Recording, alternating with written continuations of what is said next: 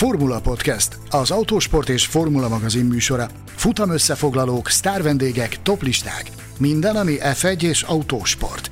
A Formula Podcast virtuális stúdiójában Betlen Tamás, Gellérfi Gergő és Mészáros Sándor.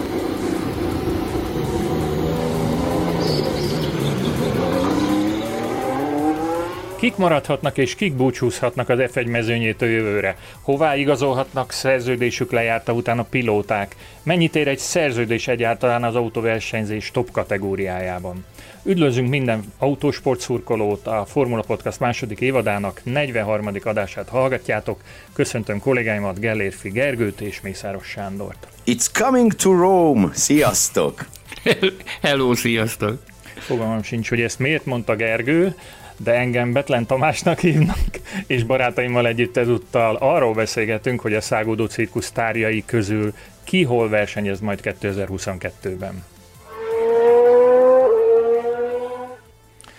Gergő, mi újság a futballfronton lezajlott az EB döntő és az összes mérkőzés, és mennyire voltak aktívak kedves podcast csoport résztvevők az általad kezdeményezett játékban. Roppant aktívak voltak, igen, az Európa-bajnokság szerencsével véget ért, valószínűleg sokan fejlélegeznek ettől, bár annyiból azért én is örülök, hogy kicsit több lesz a szabadidőm, mint az elmúlt egy hónapban volt. És ugye volt egy tipjátékunk valóban, amelyet hatalmas küzdelemben Homoki Dénes nyert meg Pataki Nóri előtt, mind a kettejüknek nagyon nagy szeretettel gratulálunk. Én pedig a magam részéről a 16-17. helyen végeztem, mindösszesen kettő ponttal előzve meg Sanyi kedves feleségét.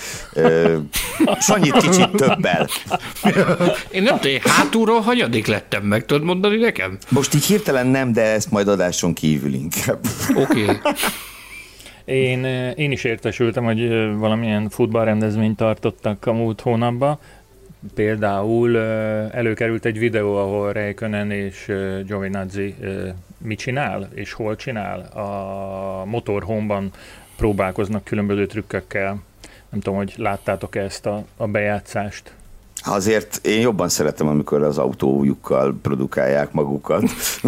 igen, igen, De igen, igen. szórakoztató videó volt kétségtelenül. Azt meg valahogy őszintén csodálom, hogy rákönnent rá lehetett venni egy ilyen állatságra, mert ugye alapvetően azért nem arról híres, hogy örömmel részt venne az ilyesmiben. Felvezető kérdésem a következő. Miért most beszélünk az átigazolási szezonról, amikor még hú, de nagyon messze van a vége? Bár van egy sejtésem, hogy a magyar nagydíj közelette az ok, hiszen a, a Hungaroringen rendre elő szoktak kerülni a korábbi években a, az átigazolásról szóló plegykák, hírek, mendemondák. Jól, jól sejtem a dolgot? Jól, hát meg ugye előttünk van Silverstone, ami szintén már csak amiatt ismert, hogy a csapatok több mint fele angliai székhelyű, az is egy ilyen jó hely a bejelentéseknek. Nyilván akkor érdemes ilyesmiről beszélgetni, amikor még van miről beszélni, és nem akkor, amikor már uh, Lelőtték el... a poént. Így van, lelőtték a poénokat, és azért jelen helyzetben, hát én azt mondom, hogy az ülések felével kapcsolatban kisebb-nagyobb, hol kisebb, hol nagyobb, de kérdések igenis fel, felmerülhetnek, úgyhogy most még ö, tényleg van, van miről beszélni, hiszen jelenleg ugye itt számolgattuk az adás előtt, hogy talán csak két olyan csapat van, akinek tuti biztos a jövő évi felállása, meg két másik, aminek nagyon valószínű. A maradék hatnál meg azért itt lesz mit kibogozni. Sanyi, neked mik a, az emlékeid az átigazolási szezon kezdetéről? E, Hungaroring, vagy Silverstone, vagy, vagy egyáltalán mi a, mi a legnagyobb ilyen jellegű élményed? Mit szagoltál ki jóval hamarabb, mint ahogy a Hungaroringen bejelentették?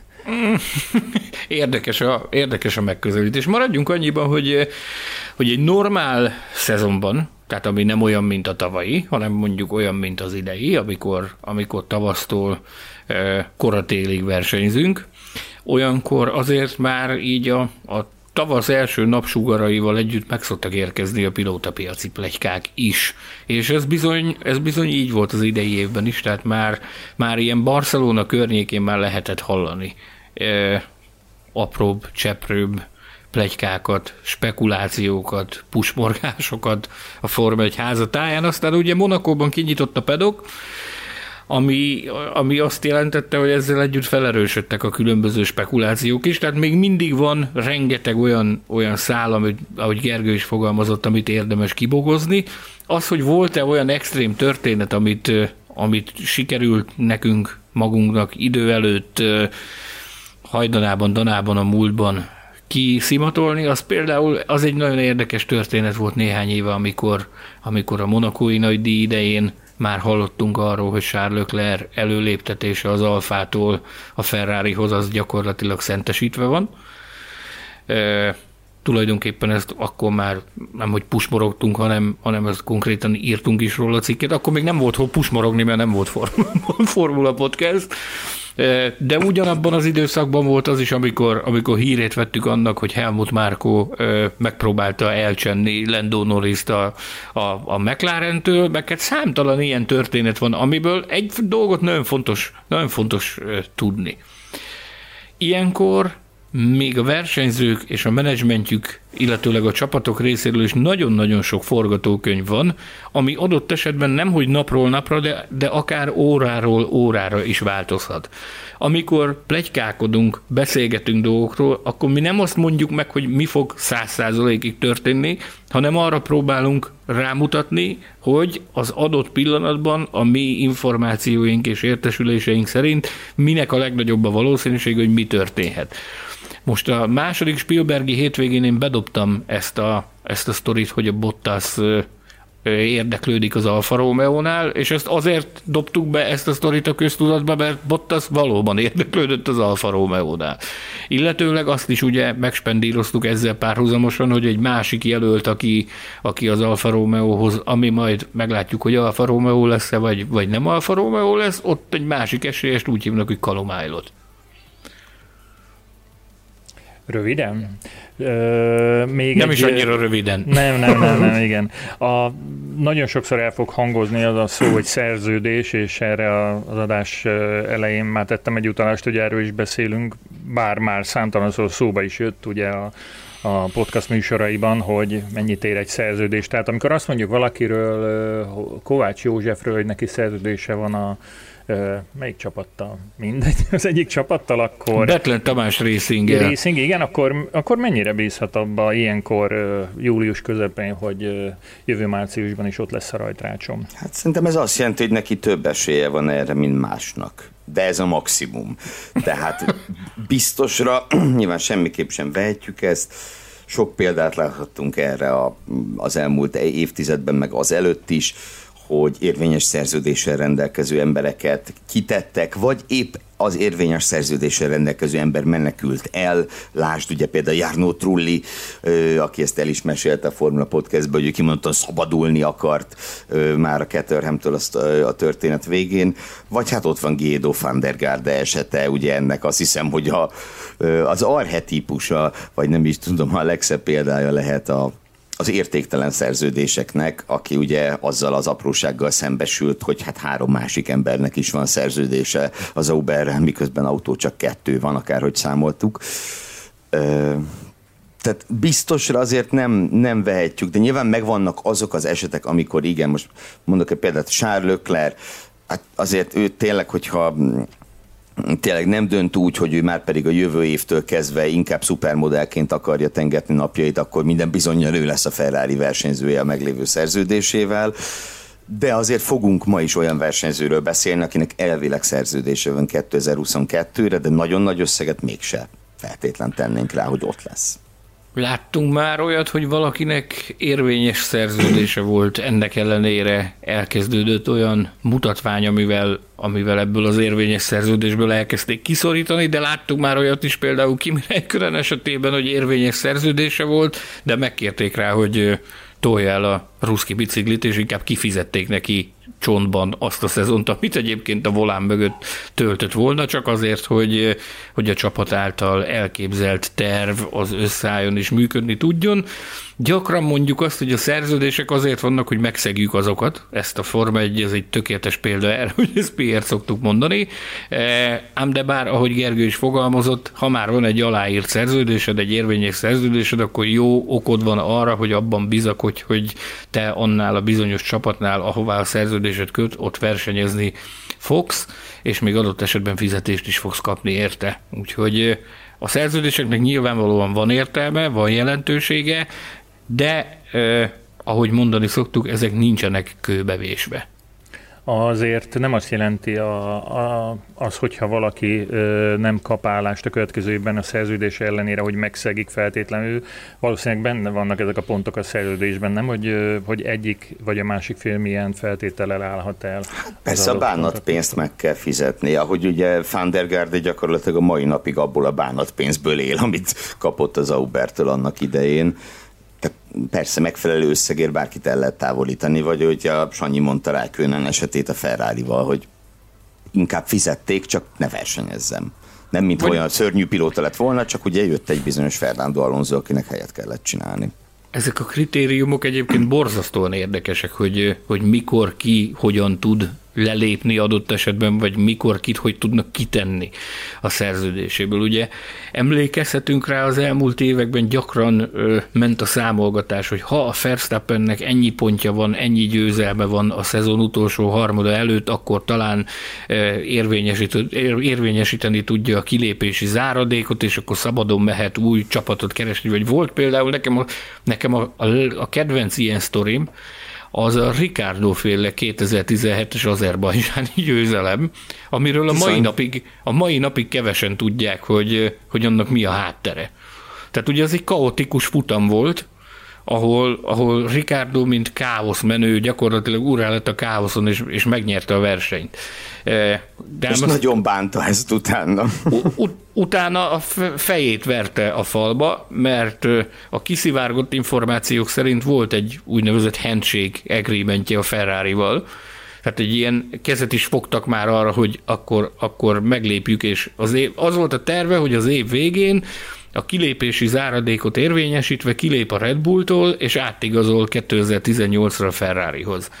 E, úgy hozta a helyzet, hogy urrá lett a káoszon, és meg tudta nyerni a versenyt, ami nyilvánvalóan egy örvendetes dolog, meg azt senki nem teheti meg, hogy ott van előtte a lehetőség egy futamgyőzelemre, és nem szerzi meg, mert azzal meg, megpecsételed a sorsodat. Viszont ezzel együtt hiába próbálta érvényesíteni a kilépési záradékot, ahol arról volt szó, hogy ennyi pont a szezon utolsó harmada előtt, meg annyi pont. Az apró betűs részből szerepelt egy kitétel, hogy ha a Red Bull olyan autót tud tenni alá, amivel futamgyőzelmet tud aratni, tehát futamgyőzelemre alkalmas autót kap a Red Bulltól, akkor nincs joga a kilépési záradékot érvényesíteni, úgyhogy borult a Ferrari szerződés is. Ezt nyilvánvalóan soha bűnös életben nem fogja senki sem megerősíteni, sem cáfolni, majd csak talán sok-sok év múlva de, de ez így történt hogy a fejét verte a Ricardo a falba a győzelem miatt, azért, mert, mert ezzel együtt ugrott a Ferrari szerződés. Egy másik ilyen érdekes sztori, amiről korábban sokat beszéltük, az a Nico Rosberg féle lelépés a, a Forma 1-ből, azok után, hogy 2016-ban megnyerte a világbajnokságot. Ugye ott a Hungaroringet említette Tamás, azt a szerződést például pont a Hungaroringen írták alá a magyar nagydíj hétvégén, teátrális jelenetek között még videót is közreadtak róla, hogy Toto Wolf és Nico Rosberg hanyag, hanyag eleganciával oda karcolják a nevüket arra a kétoldalas papírra, amiről senki se tudja, hogy azon valójában mi volt. Aztán, mint láthattuk, az év végén a Rosberg megnyerte a világbajnokságot, és azt mondta, hogy pápá, kilépett. Hiába volt érvényes szerződése a következő, ha nem tévedek, három évre. Tehát az egy három éves megállapodás volt, amit bejelentettek.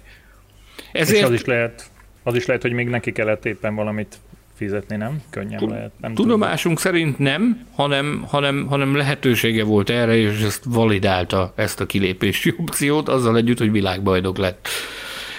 Tehát ez, ez teremtette meg a jogalapját, ugyanakkor uh, Lewis Hamiltonnal kapcsolatban én biztos vagyok abban, hogy a szándéka megvan arra, hogy folytassa a karrierjét akkor is, hogyha ha ha megnyeri a nyolcadik világbajnoki címet, én az év elején is emellé tettem a garast, most is emellé teszem a garast, hogy én, én látom még benne az akaratot, meg a tüzet arra, hogy folytatni akarja akkor is, ha összejön neki. Szerintem akkor is, hogyha, hogyha nem fog összejönni neki, de még így is, hogy aláírta a szerződést már most Spielbergben, az az emberben azért felsejlik ez, hogy Rosbergen mi történt, hogy, hogy fogta, fogta a pipáját, kalapját és távozott a, a Mercedes-től, úgyhogy majd meglátjuk, hogy mi lesz. Nem ez a kunst megjósolni szerintem, hogy biztos, hogy folytatni fogja, vagy nem, hanem hogy megnyerje, Sanyi, megnyerje. De erre most ne válaszolj, mert erre majd egy következő adásban. Nem Tőlem akarsz válaszolni. Hát nézd már meg, hogy mit, hogy, hogy produkáltam az EBT játékban, ember. Jó, akkor ha minden igaz, egy már említett Forma 1-es pilóta rendelkezik a legstabilabb alapokkal, vagy nem? Vagy majdnem? vagy nem, vagy mégsem. Hű, de biztos és bizonytalan vagyok ebbe a dologba. Térjünk rá a csapatokra és a versenyzőkre szerintem, amely témában meghirdettük ezt az adást, és beszéljünk arról, hogy mi a helyzet a Ferrari-nál, a két versenyzőnek mennyi esélye van, hogy 22-ben is ott lesznek a rajtrácsom. Én azt mondanám, hogy olyan 99,9 százalék, tehát ha itt tényleg valami, valami elképesztő dolog, valami olyan, amiről ne is akarjunk beszélni hosszan, hogy sérülés, akármi ilyesmi nem történik, akkor a Lökler Sainz páros helye betonbiztos. Jól teljesítenek, nincs, nekik nincs miért mozdulni, nincs is nagyon hova mozdulni, a ferrari nincs miért lecserélni őket, ez szerintem nagyjából ennyi szót érdemelt a Ferrari ebben az adásban. Én ezt egy picit azért masszíroznám ezt a témát, tehát az azért nagyon sokat mond, hogy Charles Leclerrel a történelem leghosszabb versenyzői szerződést kötötte meg a Ferrari. Tehát annál hosszabb, hosszabb időre még soha senkivel, még Mihály Schuberre sem szerződtek hosszabb távra, mint amennyire Löklerrel, ami, ami azért nagyon jó mutatja, hogy egy, egy alapember, saját nevelésű ember, én azt gondolom, hogy hozza is, amit, amitől elvárható például az Autosport és Formula magazin címlapját ebben a hónapban. Carlos sainz kapcsolatban pedig hát ezt ki lehet jelenteni, hogy rekordidő alatt eresztett gyökeret a, a Ferrari-nál, Nyilvánvalóan nyomás alatt van, de én kifejezetten élvezem nézni azt, ahogy, a, ahogy ezzel a nyomással megbirkózik, és hogy milyen szépen hozzáteszi a magáét a, a, a, a csapatnak ehhez a felfelé ívelő tendenciájához, ami, ami kibontakozóban és kirajzolódóban van az idei évben, úgyhogy én azt gondolom, hogy ez egy, ez egy betonbiztos páros, ha nem is az idők végezetéig, de a következő évre biztosan. Ami a címlapot illeti, Gergő már űzne, hajtana bennünket, de muszáj Ezt nem tudom, miért mondod mostanában. hát, hogy több szót nem is érdemel a Ferrari. Szóval ez a bizonyos címlap, ez bizonyos kritikákat váltott ki a, a, a podcast csoport hallgatóiban. Arról van szó, hogy mi is volt a címlapon. Na most elhajolok a mikrofontól, de csak a mikrofontól, és azt mondom, hogy Charles Leclerc, a Ferrari húzó embere, na ezt kritizálták többen, és én hiába bizonyítottam, hogy két rajta elsőséget szerzett, és két ponttal, két óriási ponttal vezeti a, a bajnoki verseny, nem tudom, hogy már még most is vezeti, igen, a, a csapattársa előtt, szóval ezért ő a húzó ember. Védjetek meg, hogy tényleg ő. Hát be, be, nézd, nyilván a címlap szempontjából nagyon rosszkor jött az, hogy Sainz elkezdte verni Löklert, de nyilván ott van köz, tehát hogy mondjam, összességében szerintem is még Lökler mutatja az erősebb teljesítményt, nem csak a kettő nem csak a kettő pont miatt, hanem ugye ott van, a, ott van az a monakói vasárnap, ami miatt ilyen szoros lett ez a verseny, ugye ott egy 18-0-val zárult az Sainz javára a pontokat illetően. Én kicsit, kicsit megvédem ezt a címlapot, de lehet, hogy azért is, mert elfogult is vagyok Löklerrel kapcsolatban. Minden esetre abban nagyon bízom, hogyha Sainz majd kiérdemli, akkor ő is meg fogja kapni ezt a címlapot a magazinunktól. Én jó előre hőbörögtem a, a címlapválasztás kapcsán, mint ahogy általában hőbörögni és protestálni szoktam ezzel kapcsolatban teljes sikertelenséggel koronázva. E, nézd, az, hogy Charles Leclerc húzó ember, ez szerintem megkérdőjelezhetetlen. Az, hogy, hogy megérdemli a címlapot, én ez, ezt is aláírom.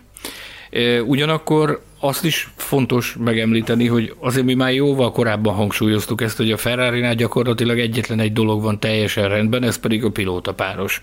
Ez pedig, ha, ha ezt, ezt veszük alapul, akkor azt mondjuk, hogy jó van ez így, ahogy van. Biztos vagyok benne én is, hogy el fog jönni az ideje annak, hogy Carlos Sainzot fogjuk, Carlos Sainzot is látni fogjuk az Autosport és Formula magazin címlapján.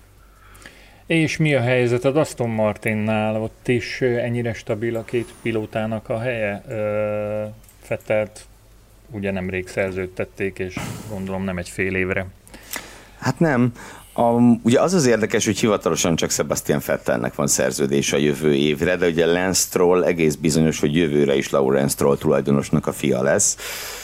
Ilyen formán tehát olyan forgatókönyv szerintem egyszerűen nincsen, hogy a kis Strollt kitegyék, meg miért is tennék? Tehát egyébként kimondottan jól teljesít, nyilván az autó tavaly óta visszaesett, ez szerintem egyértelmű, hogy az erős Hollandbe hátrébb kerültek tavaly óta, Stroll hozza, amit kell, Fettelnek meg volt pár nagy villanása, ami alapján szerintem már jobb az idei éve, mint a tavalyi a Ferrari-nál úgy tokkal vonóval volt a, az okát nem látom a változtatásnak a magam részéről, ezért mondtam ezt, hogy szerintem két totál betonbiztos csapat van a Ferrari mellett, az Aston Martin a másik.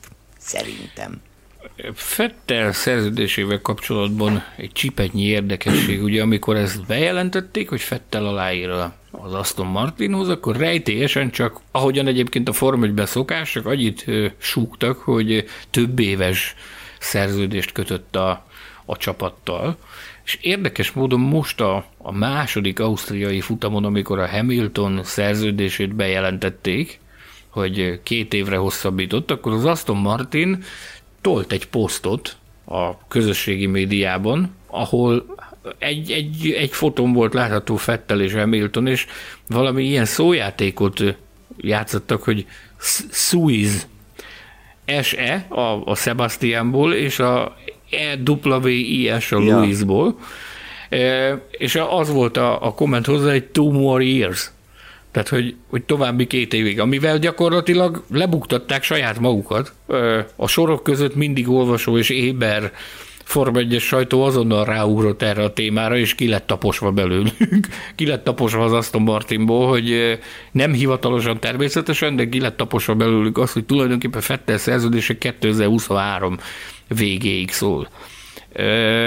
Még egy apró adalék, amit én itt elraktároztam magamnak, amit talán érdemes ezzel kapcsolatban megjegyezni, hogy remélhetőleg azért hamarosan kijönnek majd, vagy sikerül valahogy kiszimatolni a pontos adatokat a, a, a javadalmazással kapcsolatban is, mert ugye ezt azért, azért jótékony homály fedi, hogy, hogy mi is a helyzet a Fettel-féle fizetéssel. Ugye a Ferrari-nál a Fettel az egyik legjobban fizetett Form 1 pilóta volt. Az teljesen egyértelműnek mutatkozott, hogy ha valahol máshol lehetőséget kap, akkor az csak nagyon nagy engedmények árán válik elérhetővé. Most itt plegykálnak, szélsőséges plegykák vannak azzal kapcsolatban, hogy mit kap Fettel.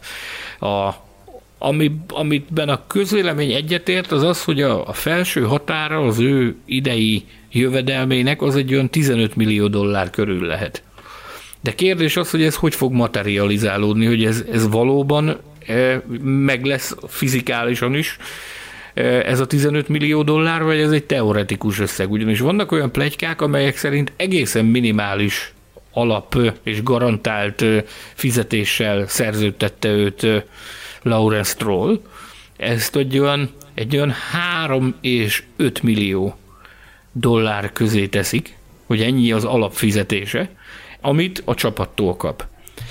Levajaztak neki egy márka nagyköveti státuszt, amit viszont már az Aston Martin Lagonda, tehát az autógyár, az autóipari részleg, ami, ami ennek a hátterét biztosítja, ezt a pedokban egy olyan, egy olyan 5, 5,5-6 millió dollárra teszik, tehát hogyha ezt alul számolod, akkor ez egy olyan 8-9, ha felül számolod, akkor ez megüti a tized, és a, a különböző pontbónusz, meg dobogós bónusz, és mi egy más, hogyha ezeket kimaxolod, az még hozhat még egy ötöt, ezzel csúszhat fel állítólag 15 millióra de ehhez minden csillagnak nagyon szépen kell állnia az égen. Egy dolog biztos, hogy Fettelnek lejjebb kellett adni a fizetési igényeiből. Reméljük azért, hogy valami, valami exaktabb számot is fogunk hallani erről, hogy végül is mi az alapja ennek a mutatványnak. Az, hogy Lenstrom mit keres.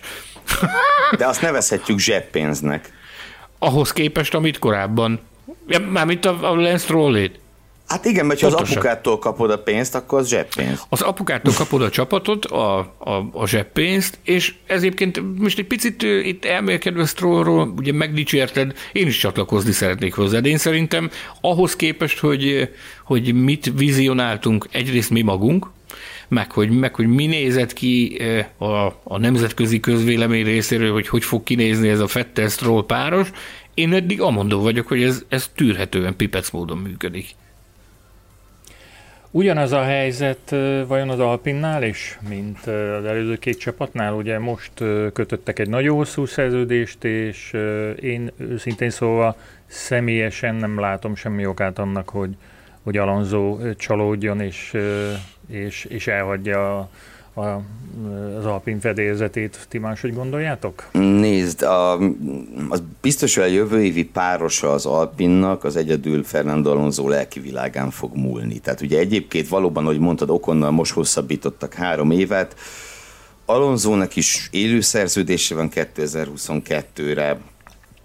Nem, én sem nagyon látom azt a forgatókönyvet, ami megbontaná ezt a párost, ami miatt Fernando Alonso távozna de azért én azt is, tehát azt is valljuk be, hogy ha van ember, akinél sebbit se lehet biztosnak tekinteni, akkor az Fernando Alonso. Mondom, én nem gondolom, hogy távozna, most miért is távozna, jönnek az új autók, ki tudja, kiugrási lehetőség lehet ez akár az Alpin számára, de hát láttuk őt már összeveszni emberekkel, gyakorlatilag mindenkivel. Én a, a pedokból kaptam olyan pusmorgásokat és információkat, hogy az Alpin vezetése, bár mind a két versenyzővel komoly szerződés van, Alózóval is, és ugye Okonnal épp a francia nagydíj előtt írták alá a francia nagydíj felvezetéseként ezt az új három éves szerződést. Ennek ellenére az Alpin vezetése készül egyfajta vészforgatókönyvvel, tehát náluk még mindig él az a kérdés, hogy mi van ha. Uh-huh. Tehát, hogy mi történik akkor, ha mondjuk Alonzót, Alonzó gondol egyet, és azt mondja, hogy oké, okay, elegem van, távozom. Mi történik akkor, ha mondjuk Alonzó azt mondja, hogy jó, akkor most itt balhét csapunk, és ezt így nem lehet tovább csinálni. Mi történik akkor, ha Okonnak például ez a hiába írták alá ezt a szerződést, meg magasztalták gyakorlatilag az egekig Okont. Az utóbbi tehát gyakorlatilag a szerződés hosszabbítás megtörtént óta érdemi megmozdulás nem láttunk az okontól. Biztos, hogy van ennek is valamiféle oka egyébként. Most a legutóbbi... Töprengünk az okon?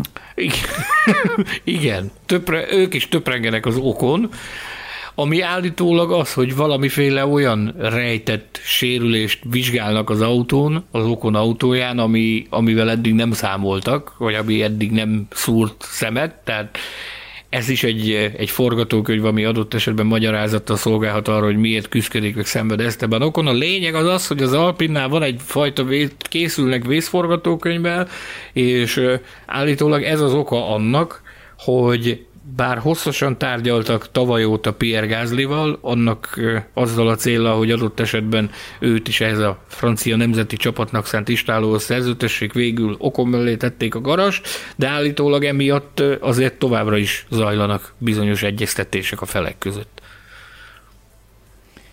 Ha végére értünk esetlegesen a, a biztos párosoknak, mert ugye azt leszögeztük, hogy ezt a szót nem szabad használni a Form 1-ben, akkor jöhetnek a, a kevésbé biztosak.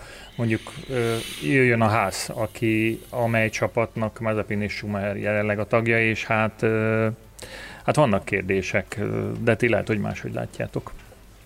Hát szerintem a fő kérdés az, hogy a két erőtér, a Mazepin körüli erőtér és a mondjuk így, hogy a Ferrari is erőtér, és Mick Schumacher körül azok, azok megférnek-e egy csárdában. Mert ugye egyébként hivatalosan, ugye jól mondom, Sanyi, nekik is több éves szerződésük van. Igen. Tehát Igen. a bejelentés pillanatától ezt így tudni, hogy 2022 is biztos mindkettőjük esetében. Mazepin, hát ugye jelenleg nem is láthatjuk azt a forgatókönyvet, hogy a ház egyáltalán működni tudna a Mazepin család nélkül. Tehát ennél fogva én azt mondanám, hogy majdnem olyan biztosnak tűnik a helye, mint Lance Strollé a az Aston Martinban, mert hogy gyakorlatilag a csapat léte múlhat, múlhat Mazepinéken. Mick Schumacher, meg hát nem tudom. Tehát uh, ugye jelenleg azért akár, hogy nézzük, minden jel arra mutat, fogalmazzunk így, Sanyi eleget, elég infót gyűjtött már erről, hogy inkább Schumacher a kedvezményezett a két versenyző közül. Uh, a ház meg a Ferrari B csapata, végülis ho, hova menne még Schumacher, és miért? Értem én, hogy miért, hogy erősebb, versenyképesebb autóba legyen, de erre meg lehetőség nem nagyon mutatkozik, ha csak nem az Alfánál, de hát ott meg már lassan ott tartunk, mint az Auber legszebb korábban, hogy 5-6 versenyzőt már látunk ott tolongani. Én nem nagyon hiszek ebben a Mick Schumacher Alfa sztoriban, bár, bár láttam, hogy a sajtóban az elmúlt napokban ezt próbálták erőltetni. Igen, igen. Hát ugye nyilvánvalóan a nemzetközi sajtó, a külföldi kollégák is megvizsgálnak mindenféle lehetőséget, meg mindenféle esetőséget, és most éppen ebbe vannak beleakadva, hogy, hogy szeretnék Mick Schumachert a a Saubernél, vagy Alfa Romeo-nál, vagy majd jussunk már el oda hozzájuk, és elmélkedünk róluk. E, de az alapján, a hosszabb távú terv alapján, ami korábban kiszivárgott, az alapján e, talán jobban jár még Schumacher, hogyha ott marad, ahol most van. Mert hogy a, a Ferrari gyakorlatilag a amit hallottunk, meg ami kiszivárgott, az alapján a, a, a közeljövőben, az elkövetkezendő néhány évben a, a házra nagyobb figyelmet kíván fordítani, mint bármelyik másik partner csapatra. Ez volt a, a deal gyakorlatilag, aminek köszönhetően Gin Ház úgy döntött, hogy marad a Forma 1-ben, életben tartja a csapatot.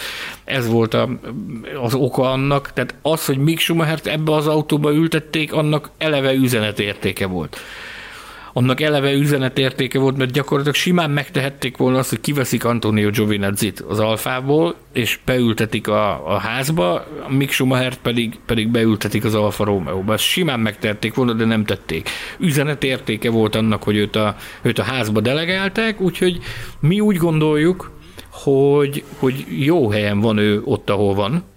Majd meglátjuk, hogy Simone Resta technikai igazgató irányítása alatt képesek lesznek-e 2022-re nagyot dobni. Maradjunk annyiban, hogy amikor Simone Resta felbukkant az Alfánál, ez is például, hogy Simone Resta a házhoz ment, a házhoz ment az ember, ez is egyfajta üzenetérték, mert korábban, amikor, amikor az alfát kezelték Ferrari B csapatként, akkor a háznál, akkor az Alfánál technikai igazgatóskodott ez a bizonyos úriember, most pedig a, most pedig a házhoz küldték versenyképesebb autót csinálni, úgyhogy kíváncsian várjuk, hogy mit fognak ők kihozni 2022-re.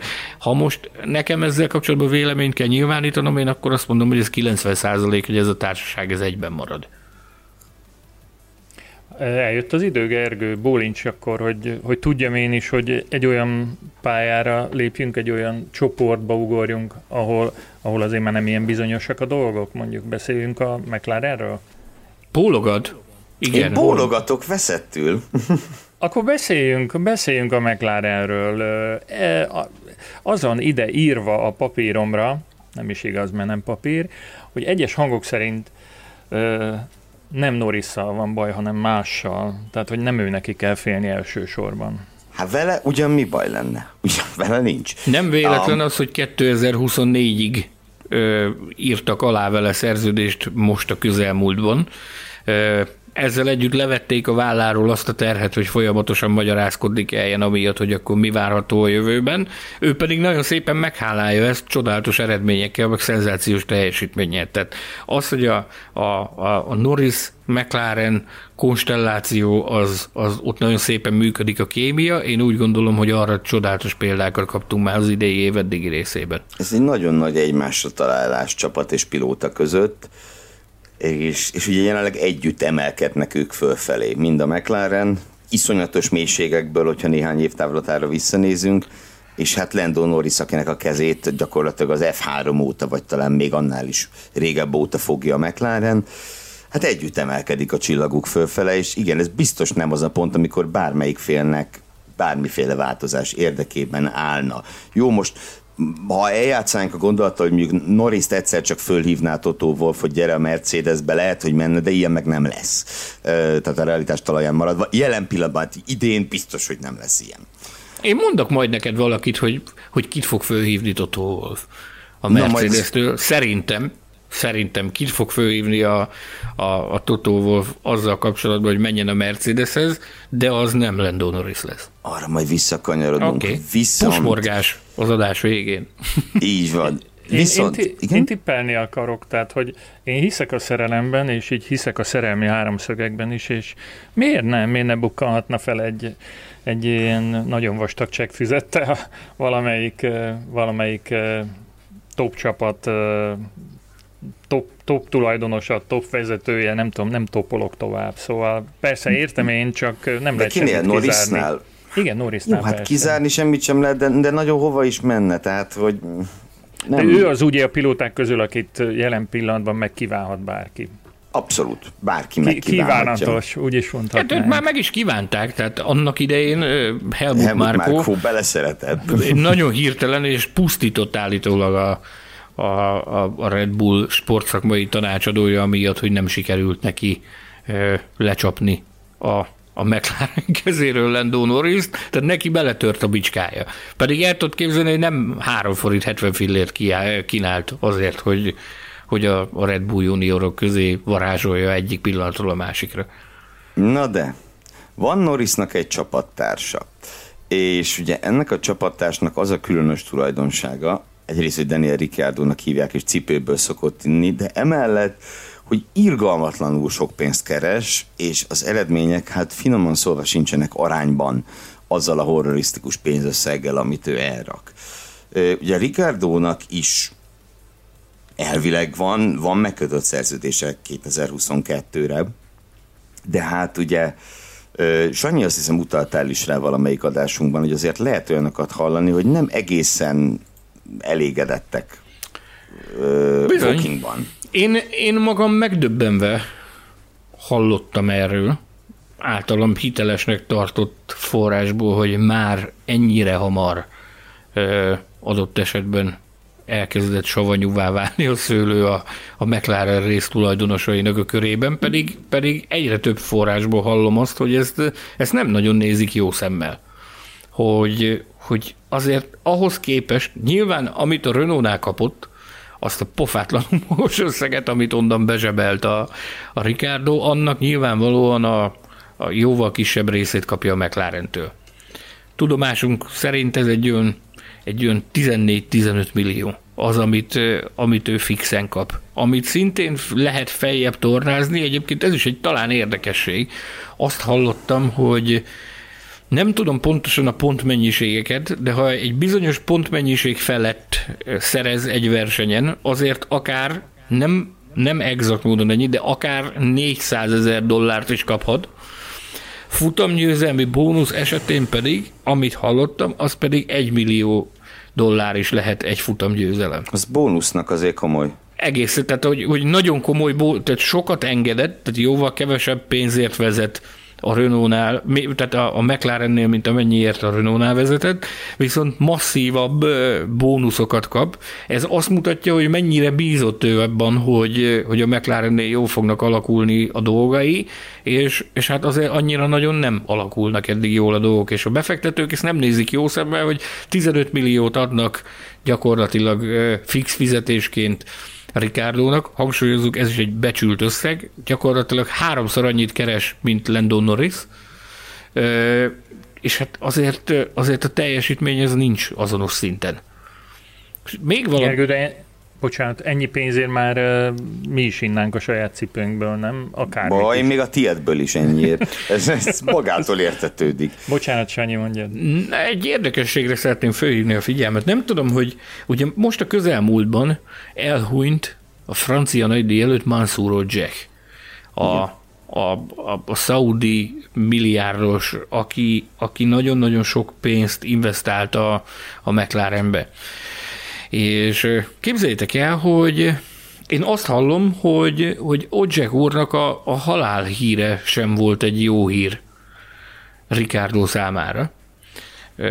Ugyanis akárhogy is nézzük, ezen az arab vonalon, a, az arábiai befektetők részéről nyilvánvalóan Odzsek volt a, a szakma. Tehát ő volt az, aki, aki értette a Forma egy minden csinyát, binyát, hát hány, hány éve itt volt már, nagyon-nagyon-nagyon régen, meg nagyon-nagyon sokat is tett a, a Forma 1 Tehát ő volt az, aki szenvedélyesen szerette és áldozott rá, plusz megkereste azokat a forrásokat a közel-keleten, akik szintén hajlamosak voltak még áldozni rá. Na most az van, hogy a vezérűrű kihullott közülük, elhunyt szegény Mansour Jack, és a, azok, akik itt maradtak ezzel a befektetéssel, azok pedig a fejüket vakarják, hogy akkor ez, ez hogy van, meg mint van. És hogyha visszahallgatjátok azokat a nyilatkozatokat, vagy visszanézitek azokat a nyilatkozatokat, amik eh, Mansour Sheikh halálhíre kapcsán érkeztek, ez, ez utólag nyer új értelmet, hogy Ricardo nem véletlenül volt annyira megütve ettől a hírtől, tehát hogy ez, ez valószínűleg ő rájött, hogy mert ez köztudomású, hogy, hogy Mansur Sheikh az leokézte a, a Ricardo féle szerződtetés, sőt, nagyon nagy potenciált látott benne. Ezzel nyilvánvalóan Ricardo is tisztában van. Most viszont, hogy, hogy Mansur Sheikh nincs, nagy valószínűség szerint azon a vonalon a befektetők verik az asztalt, hogy akkor, akkor szeretnénk látni, hogy, hogy miért adunk ennyi pénzt. Ez pedig a Ricardo pozíciója gyengíti. Mindazonáltal én amondó vagyok, hogy túlságosan korai még elsiratni, meg a, a, ennek a házasságnak a végéről beszélni. Maradjunk annyiban, hogy ez a házasság szerintem most éppen egy ilyen kezdeti krízis helyzetben van. De ugye hallottunk olyat, olyan pilótáról, akit megkeresett a McLaren. Igen. Őt pedig úgy hívják, hogy? Pierre Gezlinek hívják, akit a hírek szerint, plegykák szerint a McLaren azért a biztonság kedvéért megkeresett, Egyébként, amikor ezt erről privátban beszéltünk Sanyival, én azt mondtam, hogy a Norris Gasly páros az, az álom, álomszerű páros lenne. Ki tudja, lehet, hogy egyszer majd összeáll. Én is azt mondom, azért nem valószínűsíteném, hogy 2022-ben fog ez megtörténni de az tény, hogy Ricardo-tól ennél több fog kelleni, már csak azért is, mert ugye ki tudja, milyen záradékok vannak abban a szerződésben. Pontosan. Hiszen ugye arról beszéltünk már ma, hogy egy versenyző milyen feltétellel léphet ki a szerződéséből többek között épp Ricardo kapcsán, de hát azért rendszerint a csapatoknak is van hasonló biztonsági, hogy is mondjam, kiskapu a fegyverarzenában, amivel tudják védeni magukat. Maradjunk annyiban, hogy mostanában azért nem olyan jó Daniel Ricardónak lenni. A 77 mérföldes mosoly mögött, ami, az általá, ami általában az arcán van, azért a mögött most az a 77 mérföldes mosoly most nem mindig őszinte. Ez a szent igazság. Szolgálati közleménnyel szeretném folytatni, még mielőtt rátérünk a, az Alfa Tauri jövő évi felállására. Ugye a legutóbbi adásunkban a, arra bátorítottunk és buzdítottunk mindenkit, hogy vegyetek jegyet a Magyar Nődíjra és gyertek ki a Hungaroringre. A tavalyi zárt kapus esemény után töltsük meg együtt a Hungaroringet, úgyhogy legyünk ott minél többen, és egyre több visszajelzés érkezik ezzel kapcsolatban, hogy sikerült meghoznunk a kedvet ahhoz, hogy élőben Forma 1 nézzetek. Ezzel kapcsolatban kaptam most egy nagyon jó pofa üzenetet, amit muszáj vagyok felolvasni állandó törzshallgatónk Büki Bálint írta. Azt írja, hogy nagyon szépen köszönöm a Forma 1 klubos tippet, így én is ott leszek a ringen. Ráadásul a tagság és a jegy árát is tipsmixen nyertem, ugyanis eltaláltam a tegnap esti egy-egyes végeredményt. Tipmixeljetek, nyerjetek pénzt, és gyertek a Magyar Nagy Díjra, meg hallgassátok meg a, az Irány a Magyar Nagy Díj című legutóbbi adásunkat is. Mehetünk tovább szerintem Alfa Taurival, nem? Ö, engem az érdekelne, hogy az Alfa Taurinál mi lesz a jövő évi felállás, ez most nem tudom mennyire lesz engem is. Szeretnéd megtenni a tips mixed? Nem tudom, hogy erre lehet-e fogadni, vagy hogy, hogy és mint, és miképpen. Még mielőtt válaszoltak, régi vágyam, és már egyszer intéztem felhívást a podcast hallgatói irányába, hogy aki tud segíteni kidolgozni egy hasonló, hasonló rendszert a Formula.hu-ra, Form 1-es futamok végeredményeinek tippelése szem, szempontjából, mint mondjuk a, a tipper, amelyet ti használtatok a foci ebén, akkor az azonnal is okvetlenül jelentkezzen és megfelelő díjazás ellenében foglalkoztatni És fogjuk. szerintem e-mailben jelentkezzen, az lenne e-mailben. a legjobb, ugye? Vagy itt adásban, élő adásban. Élő adásban, vagy a podcast kukacformula.hu címre. Alfa Tauri. Nos. Hát igen, ugye igen. itt nagyon nagy a különbség a két versenyző között, mondhatni minden szempontból. Teljesítmény szempontjából, felkapottság és kilátások szempontjából is.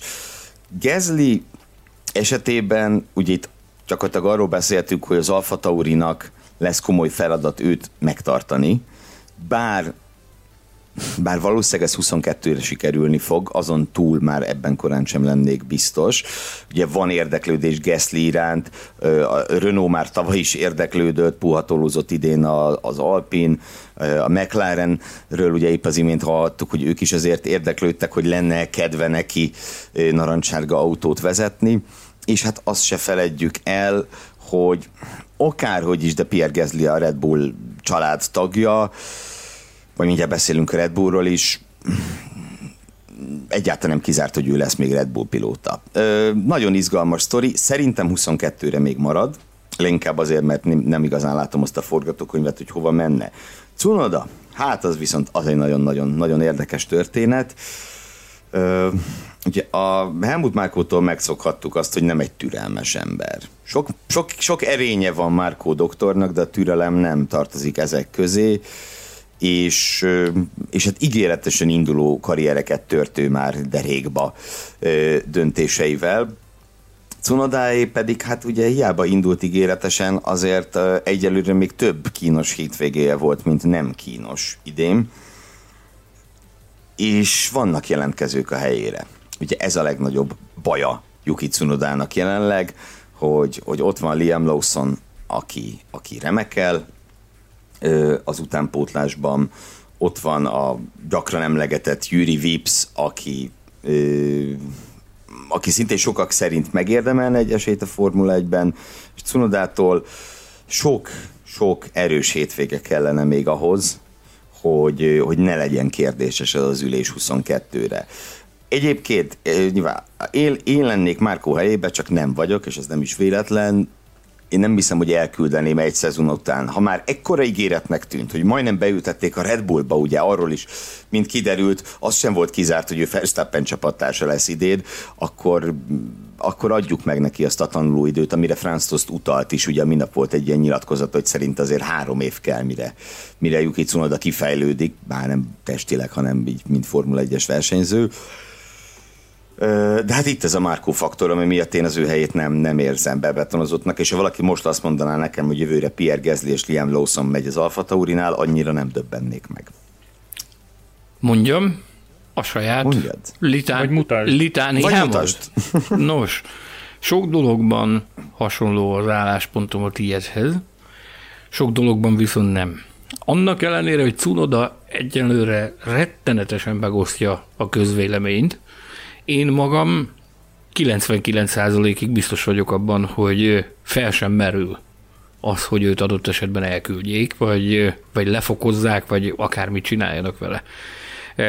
Több okom is van, ami miatt, ami miatt ezt gondolom, hogy, hogy Cunoda helye biztos. Az egyik, az első és a legfontosabb az a, az a japán kapcsolat. a, úgy is mondhatnám a Honda kapcsolat.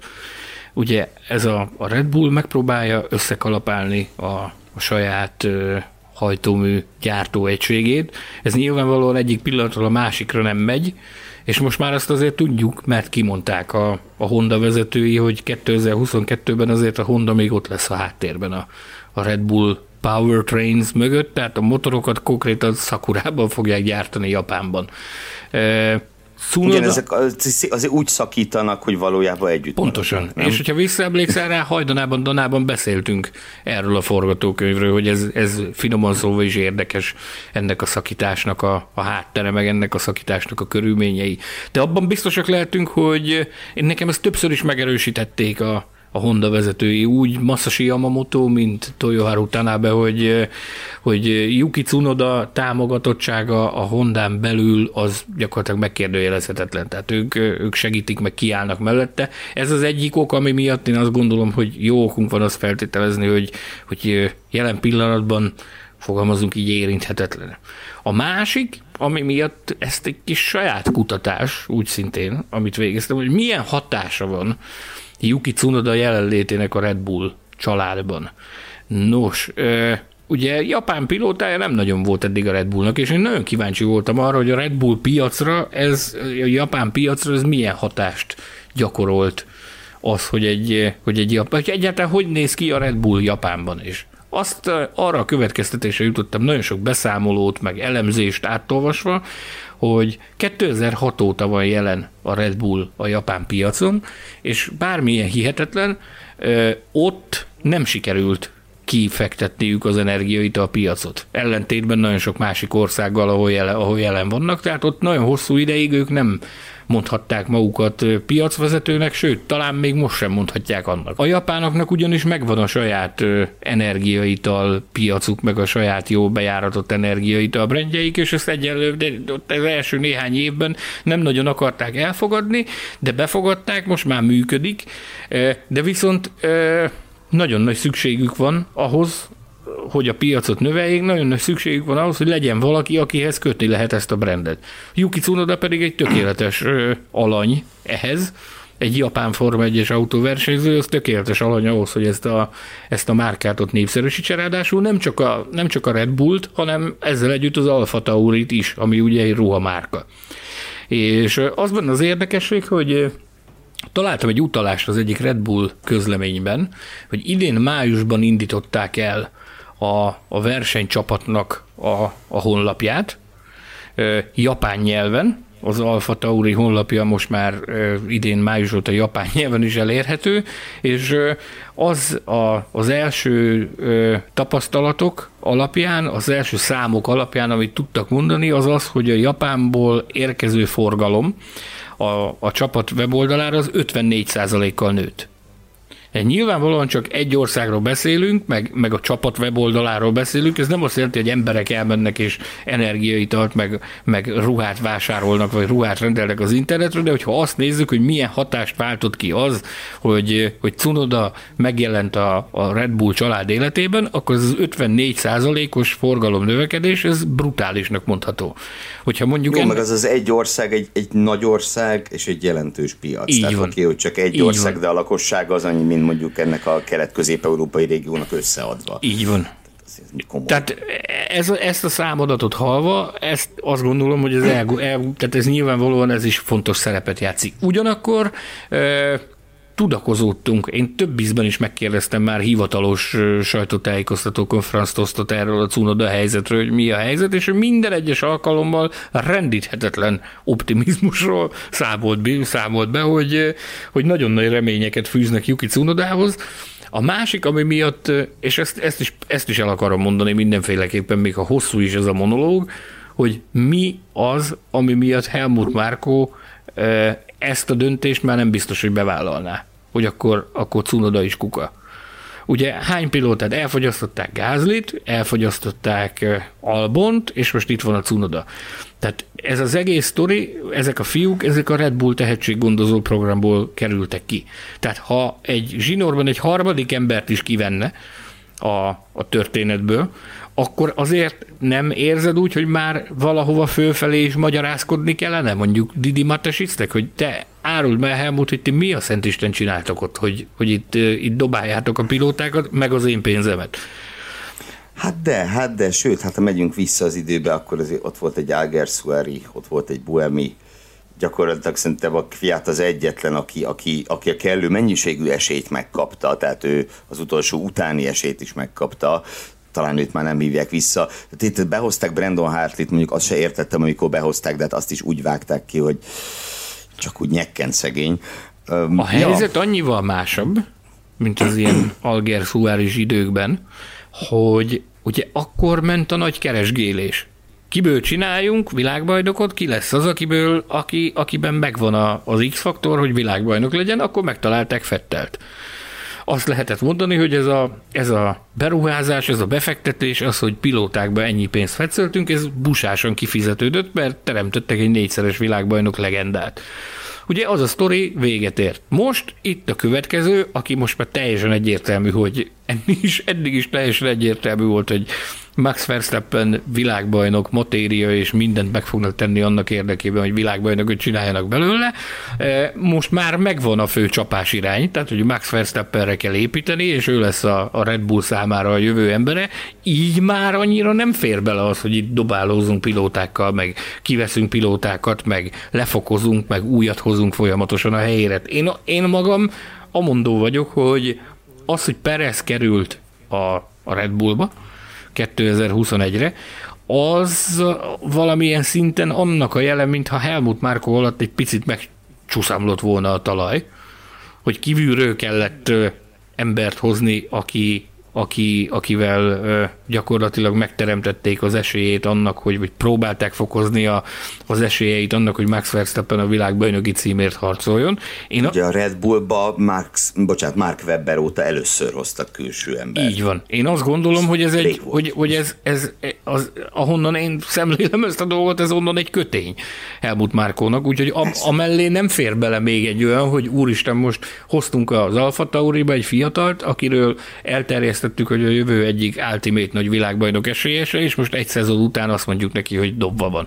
Úgyhogy Cunoda nálam érinthetetlen az Alfa Taurinál, Pierre Gasly-val kapcsolatban megpróbálok sokkal rövidebb lenni. Három út van Pierre Gasly számára. Megpróbálni 2022-re beférkőzni a Red Bullba, ami nyilvánvalóan egy komoly cél lehet számára, bár az azért a, a korábbi évek kedvezőtlen, vagy a korábbi kedvezőtlen tapasztalat miatt én nem tudom, hogy mi lenne az, ami, bár ő maga is ezt mondja, mert lenyilatkozta többször, hogy ez a terve, hogy a Red Bull pilótájaként adott esetben világbajnoknak lenni, vagy világbajnoki címért harcolni, de az bebizonyosodott, hogy a jelen állapotok szerint az a közeg, az, az neki valahogy nem működik. Ugyanakkor én magam azt gondolom, hogy a Red Bullnak sincs oka arra, hogy változtatást eszközöljön 2022-re, tehát 22-ben én szerintem Red Bull pilóta biztosan nem lesz. Hogy megnyílik-e valamelyik külső érdeklődő irányába az út, akár az Alpin, akár a McLaren irányába, ez egy nagyon nagy kérdőjel. Jó pár hónap van, amíg, amíg ez ki fog derülni. Érzésem szerint nem, de talán nem véletlen az, hogy ebből az irányból érkezett puhatolózás és megkeresés, meg tárgyalás a gázli irányába. A harmadik csapás irány, az pedig az Alfa Tauri. Ez egy hihetetlenül kényelmes helyzet. Ott nagyon működik a kémia a, a, a két fél között.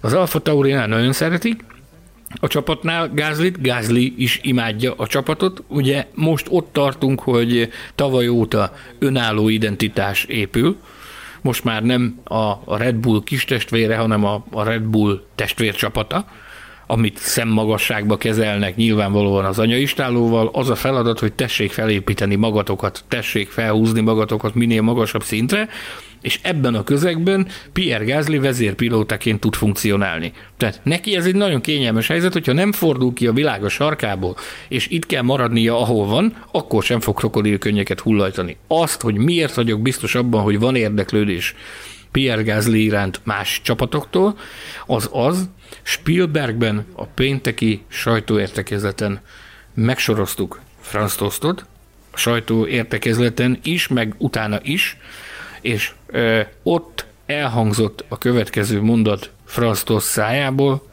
nagyon remélem, hogy jövőre is nálunk versenyez Pierre Gasly. Nem azt mondta, hogy biztos vagyok benne, hanem azt mondta, hogy nagyon remélem, hogy jövőre is nálunk fog versenyezni Pierre Gasly. Akkor ezek után ö, azt hiszem, hogy kikerülhetetlen, hogy, hogy a Red Bullról beszéljünk, még ha talán nem is ez a a, az egyik legbizonytalanabb csapat, sőt, nagyon is biztosak a, a pozíciók, elsősorban nyilván Felsztappen részéről. Gergő, e, van-e olyan ajánlat, el tudsz-e képzelni olyan e, csekkfüzetet, ami, amit ha meglobogtatnak, akkor, akkor Felsztappen jövőre nem a Red Bullban versenyez? Szerintem a jelen helyzetben nincs. Tehát tényleg, a jelen helyzetben egyszerűen nincs. Én nyilván most ez kicsit légből kapodnak tűnik, de azt gondolom, hogy jelen pillanatban ő a Mercedes hívására sem mondaná igent. Nincs miért. Tehát a, jelenleg ő a legjobb autóban ül, egy olyan csapatban, ami róla szól, köré épül, és ez egész csapat azért dolgozik, hogy ő világbajnok legyen, lehetőleg minél többször. Nagyon, meg másfél nagyon fiatal még Max Verstappen. Ugye ez az, a, az az ő karrierjének a sajátos tulajdonsága, hogy még mindig nem töltötte be a 24-et, ugye 23 éves, már mögötte van egy, hát sokaknak ez egy teljes karrier, vagy, vagy még ennyi se egy teljes karrier, amit ő maga mögött tud, és ő bőven ráér, hogyha ő majd egyszer akarna, mit tudom én, majd a Ferrari-nál álmodozik arra, hogy majd ott versenyez egyszer, hát 5-6 év múlva lesz mondjuk 28-9 éves. Tehát elképesztő módon ráér, úgyhogy szerintem Verstappen nyilvánvaló, hogy marad. és a másik ülésbe pedig én nem látom az okát, hogy miért cserélnék le Perezt. Ugye Sanyi nagyjából ugyanerre utalt az imént Gezli irányából. És azt hiszem, mondjuk harmadik ember nem is jöhet szóba erre az ülésre. Tehát ha nem Perez, akkor Gezli. De miért is, miért is küldenék el Sergio Perezt? És, és fordítva is fölteszem a kérdést, jelen helyzetben miért akarna oda menni Pierre Gezli? Épp, hogy újraépítette a saját karrierjét tényleg a romokból visszahozta a Form 1-es karrierjét. Még, Most egy még, mondatot, egyszer megéget, egy, egy... még egyszer megégeti magát Verstappen mellett, a, azzal viszont vége lehet az egész bulinak. Egy gondolatot szúrnék be, tehát amikor, amikor Gázli, akinek az egész pályafutásában elképesztően fontos szerepet játszott a Red Bull, amikor nyilvános eseményeken arról beszél, hogy a, a tervem az, hogy a Red Bullnál érjék el sikereket, mi más mondhatna? Persze azonnal rúgnák fenéken, vagy, vagy nem tudom, koppintana a fejére Frasztoszt, hogy, hogy hogy mondhatsz olyat, hogy más csapatot. Képzeld azt oda, Red Bull, ha én oda nem megyek, azok állatok. ilyet, ilyet nem is mondhat. Ilyet nem is mondhat. Tehát ezzel is, ezzel is kalkulálnunk kell, amikor, amikor az ilyen információk alapján, vagy az ilyen nyilvánosságot látott kijelentések alapján próbálunk tájékozódni, hogy mi más mondhatna. De én szóval azt gondolom, hogy Verstappen Perez Red Bullnál 2022-ben. Perez Tudom, most majd föl fog hívni a Gobodis Tomi, de majd megbeszéljük, hogy azt mondom, hogy többet tett Sergio Perez Verstappen csapattársaként, mint akár, akár Gezli, akár Albon. Szerintem az idei szezonban úgymond másodhegedűsként vagy vízhorzóként többet tesz le az asztalra, mint Valtteri Bottas. Nincs miért le, lecserélni. Plusz hát ugye Mexikó se egy kicsi piac, ha már Cunoda kapcsán fölhoztuk ezt a ezt a szempontot. És azt fontos is egyébként hangsúlyozni. Én korábban a tereprali kapcsán, az amerikai tereprali kapcsán tanulmányoztam a, az észak- és közép-amerikai energiait a piacot, ahol, ahol szintén akkoriban néhány évvel ezelőtt még biztosan nem a Red Bull volt a, a, a vezető energiaital márka, de hogyha ezt félretesszük, csak pusztán a teljesítményt nézzük, én azt gondolom, hogy Perez nagyon jól táncol ebben a számára szűk cipőben. amit, amit ráhúztak, ebben, ebben egészen jól nyomja a, a tánclépéseket. Plusz, ami egy nagyon fontos dolog, az az, hogy ugye a vezérpilótának sem mindegy, hogy ki van melletted. És én továbbra is azt látom, meg most már azért szélesebb körben is jobban látható az, hogy Perez és Verstappen között van egyfajta harmónia. Jó el vannak. Van egyfajta, van egyfajta haverság, ami, ami azért nyilvánvalóan nem fog az idők végezetéig tartani, de, de jelen pillanatban én, én amondó vagyok, hogy ha Verstappen megkérdezed, ő is azt fogja mondani, hogy kifogástalan csapattárs Perez, nincs szükség arra, hogy más érkezzen a méltatja is úton útfélen. Amikor, bármikor elcsípjük, és ez szóba kerül, minden egyes alkalommal miért, méltatja Perez erőfeszítéseit, úgyhogy szerintem ez egy, ez egy olyan páros, ami 22-ben is működni fog, még akkor is, hogyha a Márkónak néha vannak elragadtatott kijelentései. Hát azok vannak, de azok mindig is voltak. E- Nem baj, de aztán tudod, kimegy fát vágni és menni. Ezt akartam mondani, hogy idézzük csak fel a, a láncfűrész és a koronavírus kezdeti időszakot. Igen, csak az jutott még eszembe, nem tudom, egyszer majd lehet, hogy egy rövidebb adást csinálhatnánk erről, hogy elgondolkodhattál, amikor mondtad, hogy megnézegetted a latin-amerikai, meg észak-amerikai energiaital piacot, hogy 20-30 éve ugye a dohánytermékek piacát nézegettük volna ugyanígy. Így van hogy a, a, a, hogy a, a, a West, a Marlboro, a Might Seven, a Galois, és így tovább, ugye a különböző Form 1 csapatok, meg egyéb motorsportos tevékenységeket szponzoráló cigarettamárkák közül melyik milyen erős és ugye tényleg az energiaital az, ami így, így átvette ezt a, ezt a pozíciót. Nagyon különös. Na, ö, Tamás. Rövidebb adás, az, az ördögtől való dolog, amit te itt emlegetsz. Három és fél órára gondoltam. Vigyázz a szádra, hogy miket mondasz. E, azt hiszem, hogy elérkeztünk egy határfolyóhoz. Bocsánat, ez ki kell, hogy jelentse, ez most jut eszembe. Betlen Tamás az adásidő védőszentje. ez milyen? Ezt is megértük. Ez, ez milyen jó hangzik, nem? Ő, ő az adásidő védőszentje. És aki mit csinál, állandóan mit fogyaszt adás közben? Reméljük, hogy energiaitalt. Mi csak bízni tudunk ebben. Én nem fogyasztok alkoholt sem, és energiaitalt sem. Én erre nagyon büszke vagyok. Hát, ez, ezzel a hanggal nehéz azt elhinni. Pedig ez így van, drága komám. alávetünk majd egy próbának rövid időn belül, és akkor ott, ott minden kiderül. Szóval a határfolyó kérdésében azt gondolom, hogy eljutottunk oda, hogy a maradék három csapat esetében szinte biztosra vehetjük, hogy történik valami változás 2022-re a pilóta felállás tekintetében, vagy tévedek-e? Hát jóval valószínűbb, mint az eddigiek esetében. Melyikükkel kezdjük, Tamás?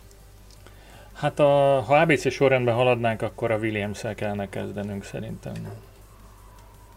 Eh, most nagyon összezavartál. Jó. Direkt, direkt, én, direkt. Én azért azt mondanám, hogy mégis a Mercedes-szel kezdjük, hiszen a Williams fölállását a Mercedes felállása mondhatjuk úgy, hogy alapjaiban fogja meghatározni.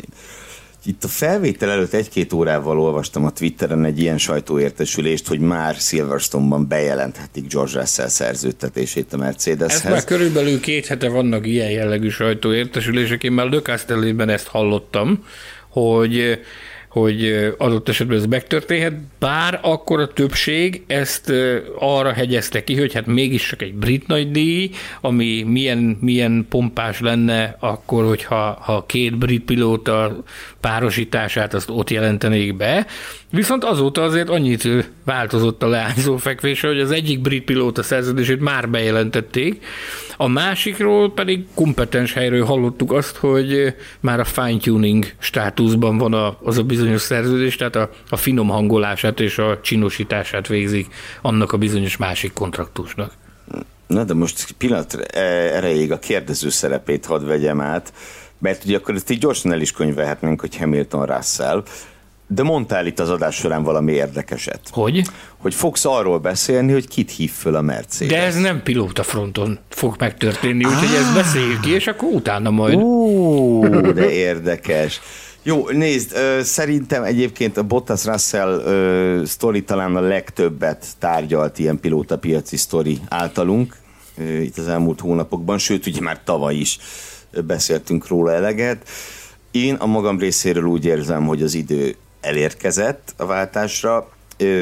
Persze megvan az a narratív, hogy Hamilton mellé nem akarnak egy olyan versenyzőt, aki tud vele küzdeni, de szerintem baromság.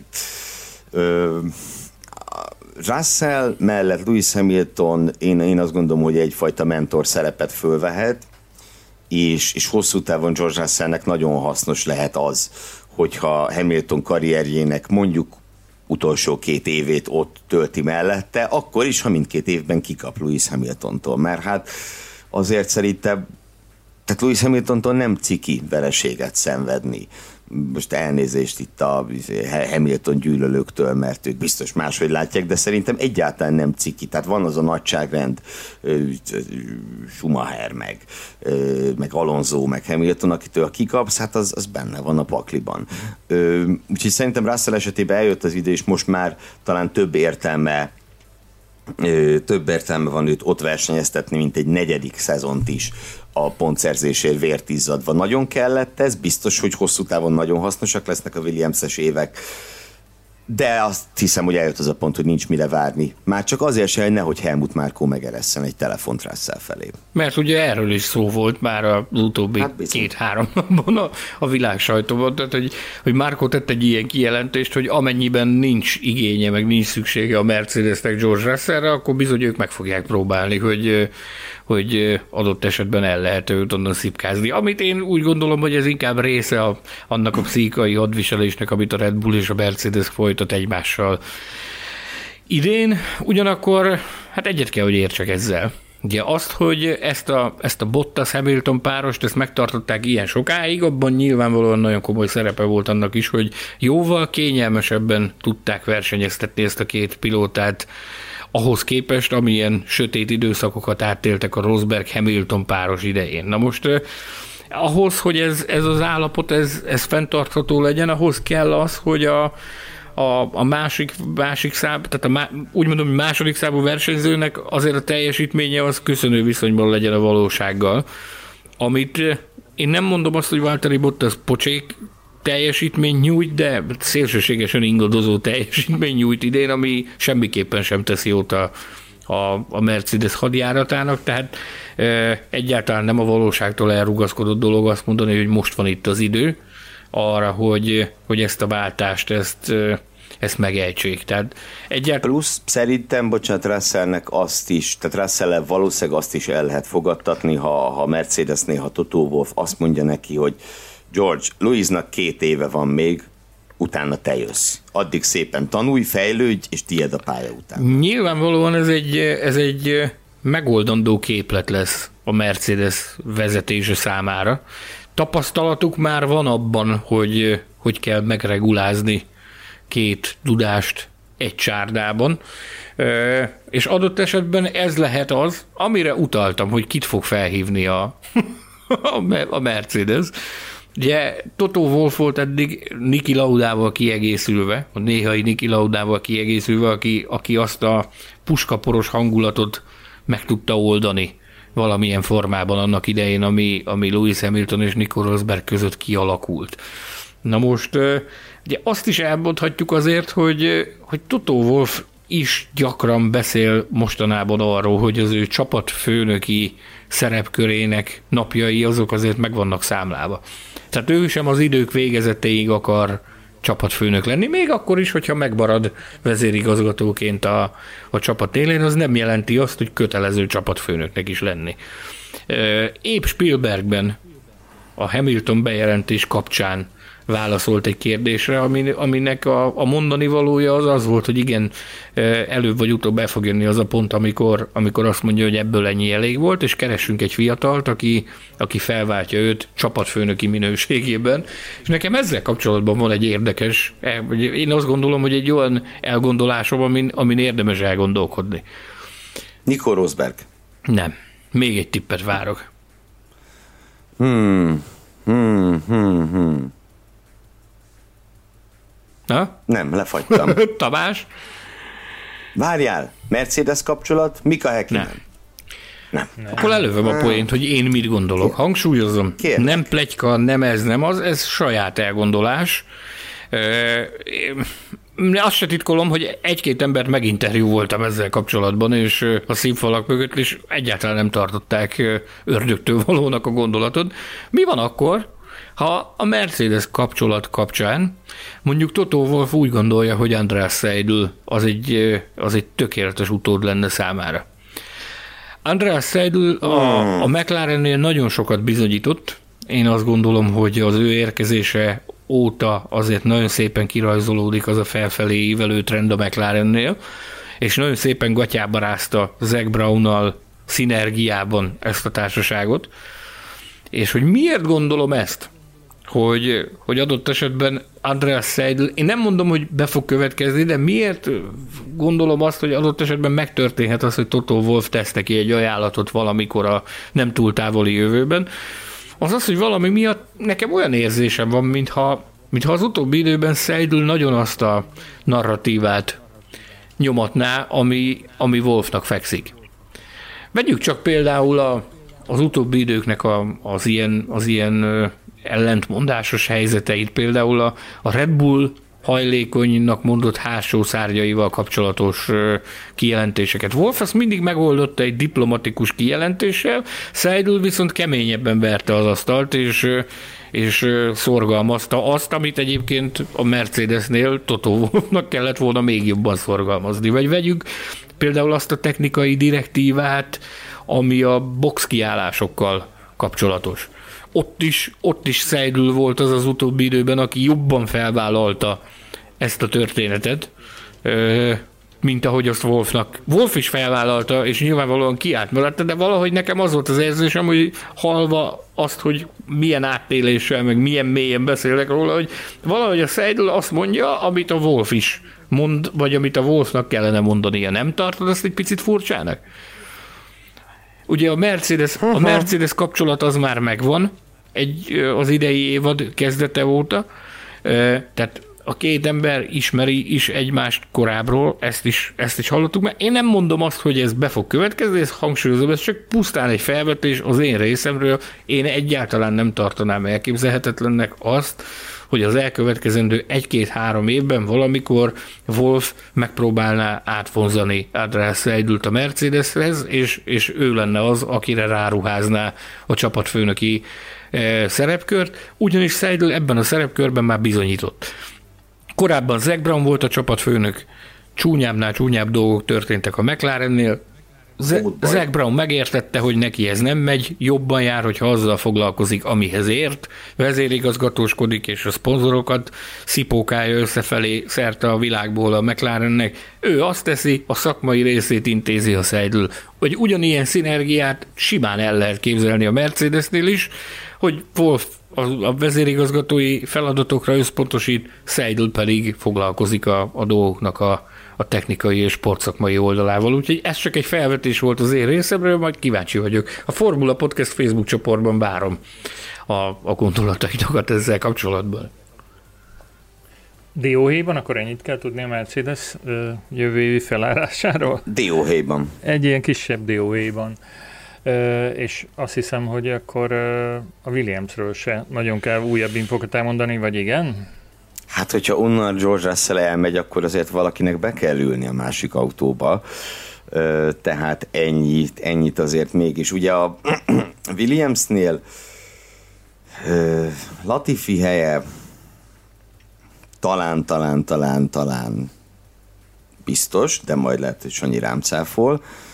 Az, hogy kiül Russell helyére, az jóval izgalmasabb. Már ha Russell elviszi a Mercedes, de most jelenleg tényleg minden jel ebbe az irányba mutat, hogy így lesz. Ugye lehetne egy kézenfekvő választás, Valtteri Bottas, akivel jelentős rutin érkezne, és, és hát mégiscsak a nagy csapati működésből származó tapasztalatok érkeznének, plusz, ahogy Sanyi is hangsúlyozta, nyilván nem arról van szó, hogy Valtteri Bottas egy rossz versenyző, tehát egy mezőny végéről felfelé igyekvő csapatnak szerintem ő teljesen jó, ő, ő, ő tudna pluszt adni.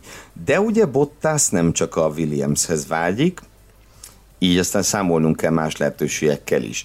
És akkor most a legnagyobb örömmel vezetem föl azt, amitől napok óta hangos a világsajtó, miszerint Nico Hülkenberg visszatérhet a Formula 1-be a Williams-szel. Hú, Sanyi mindjárt megforgatja a szemét. nem teszek ilyet.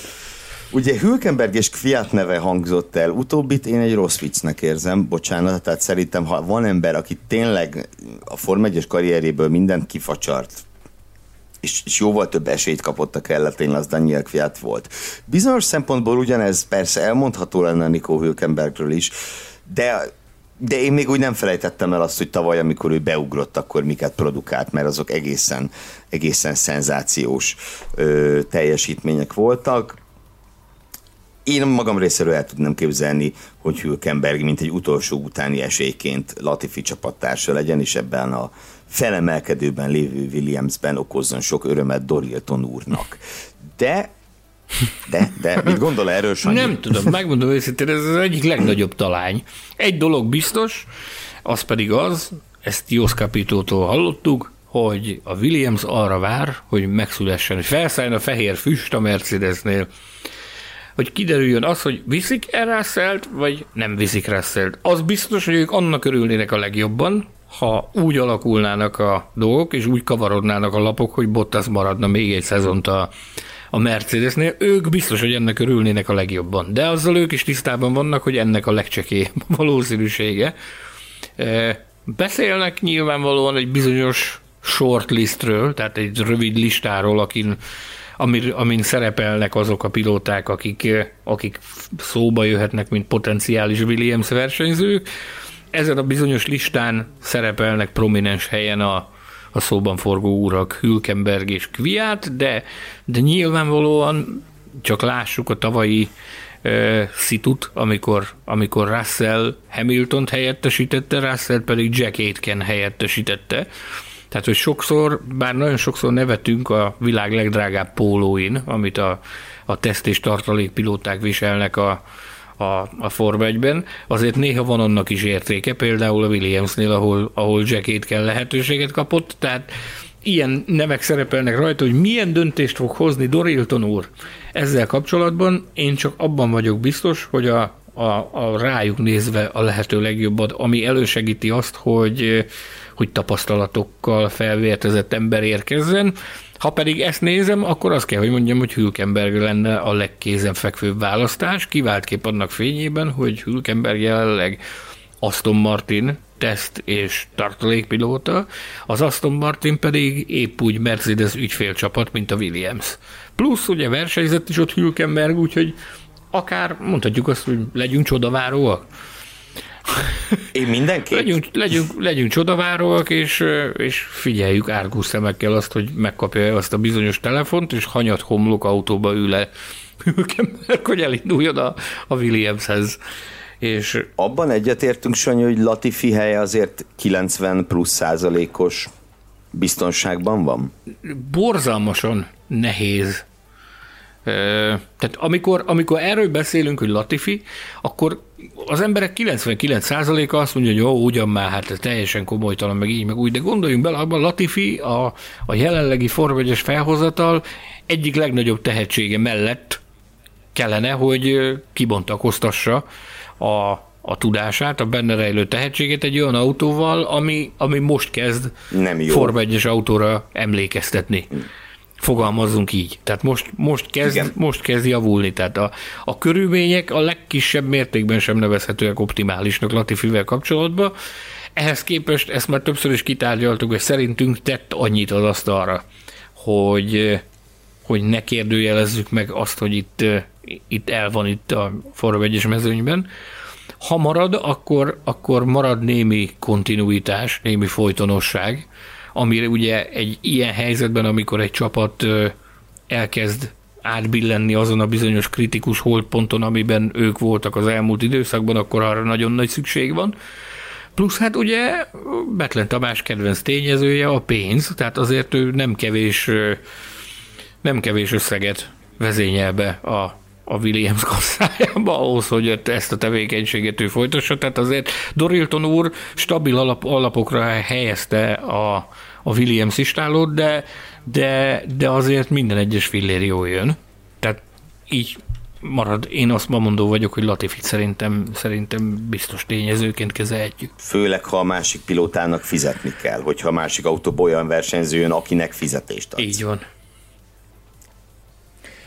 Egy csapat maradt a legújabb adásunk, hát ez nem top lista, de a listájának végén, aki esetleg nem tudná kitalálni, az Alfa Romeo-ról van szó. Ami Várjál, ne legyél te ebben olyan biztos. hogy jövőre is így zárójel, hívjátok. zárójel, zárójel, igen. Alfa Romeo zárójel Zauber, vagy ki tudja.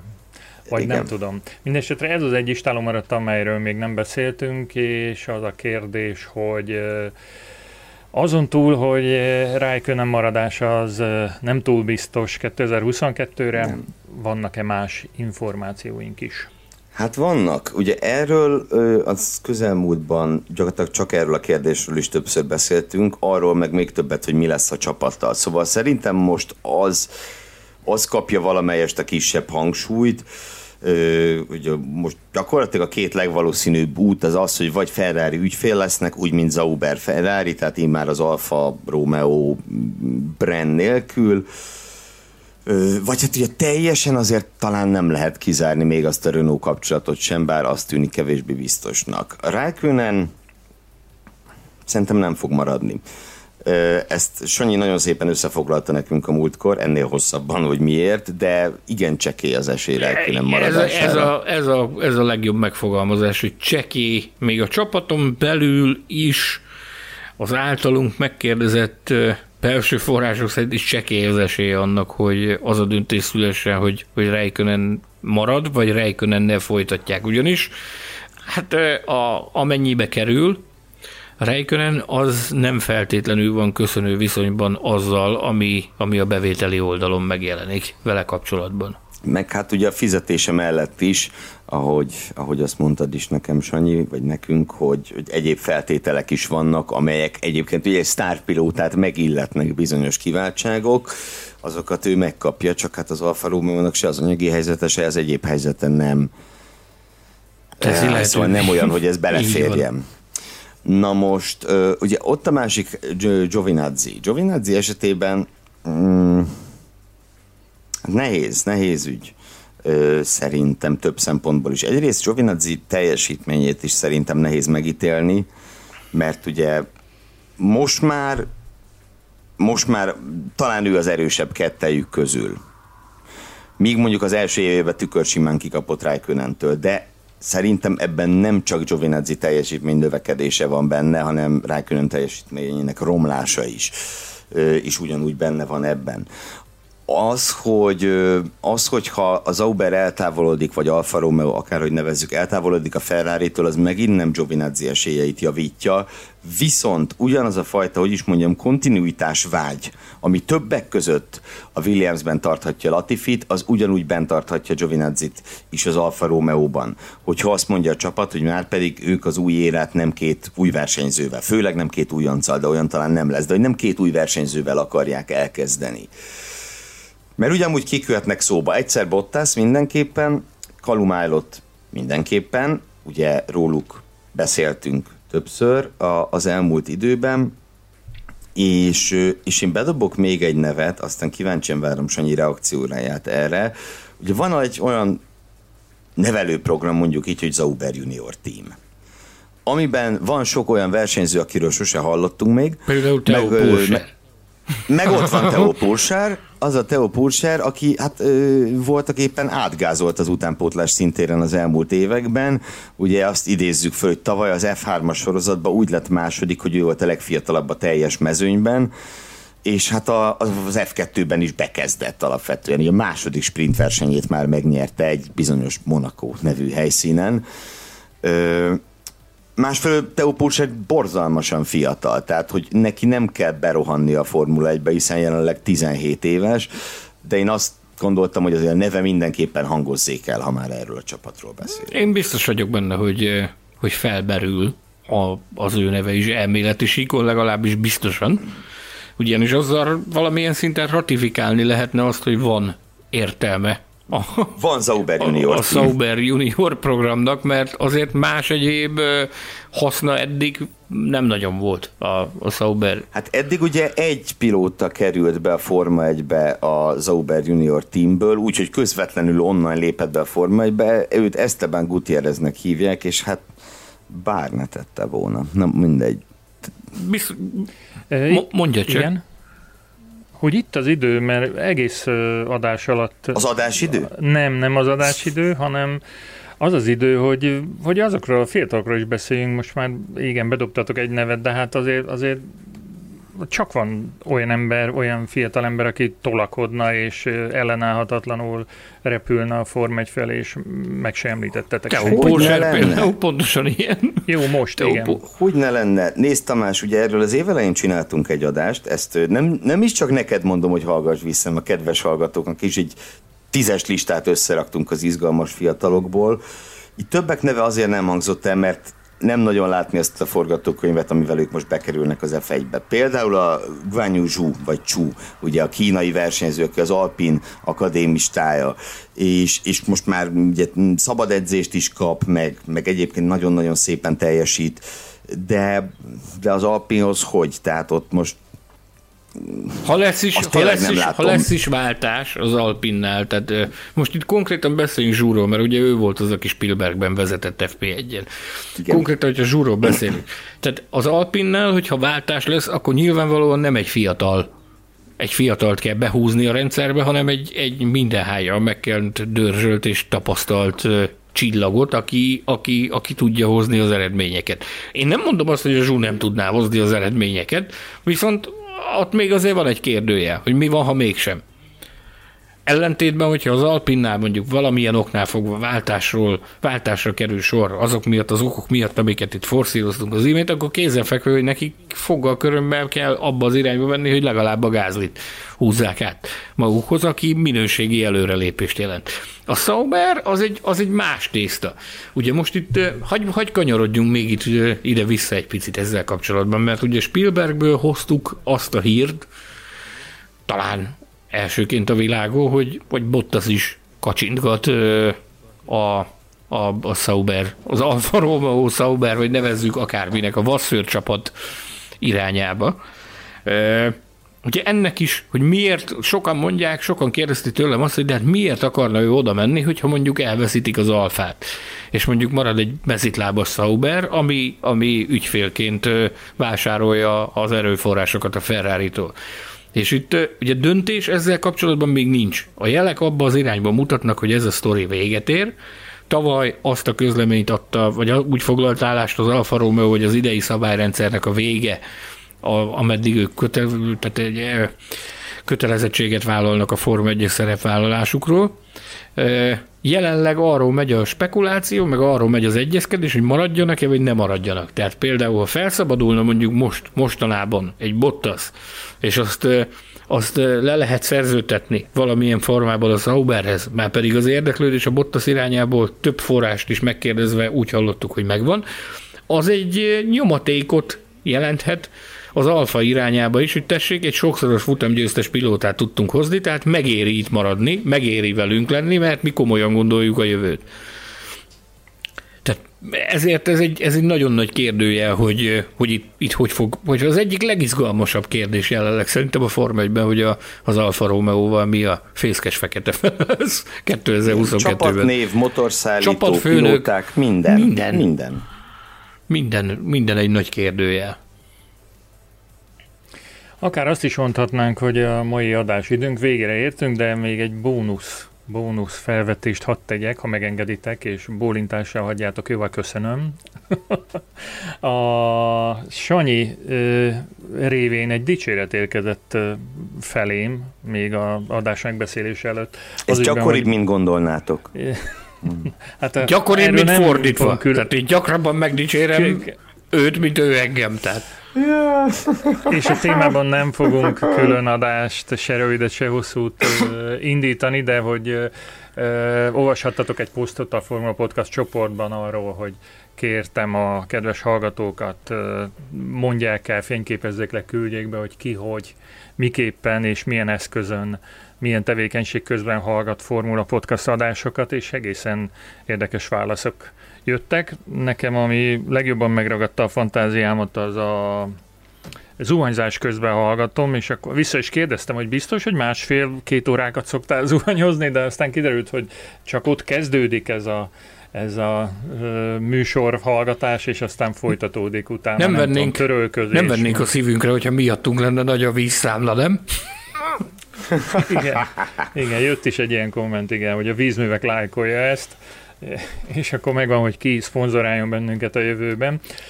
Nektek mi tetszett a legjobban, vagy, vagy mely képek ragadtátok, ragadta meg leginkább a, a figyelmeteket? Még nagyon érdekes volt egy nagyon komoly hifi berendezés valamelyik autóban, ilyen Imádtam. nagy képernyős, ahol, Imádtam. ahol ott vigyorogtunk. Őszintén szólva nekem úgy az egész egyben tetszett a, a komment áradata, hogy megindult. Én nem, nem tudnék közülük kiebelni, de nagyon tetszett, és, és, és jöhetnek még ilyenek tényleg. Én, én magam is azt mondanám, hogy, hogy az, az az én válaszom is, hogy ez az egész úgy, ahogy van.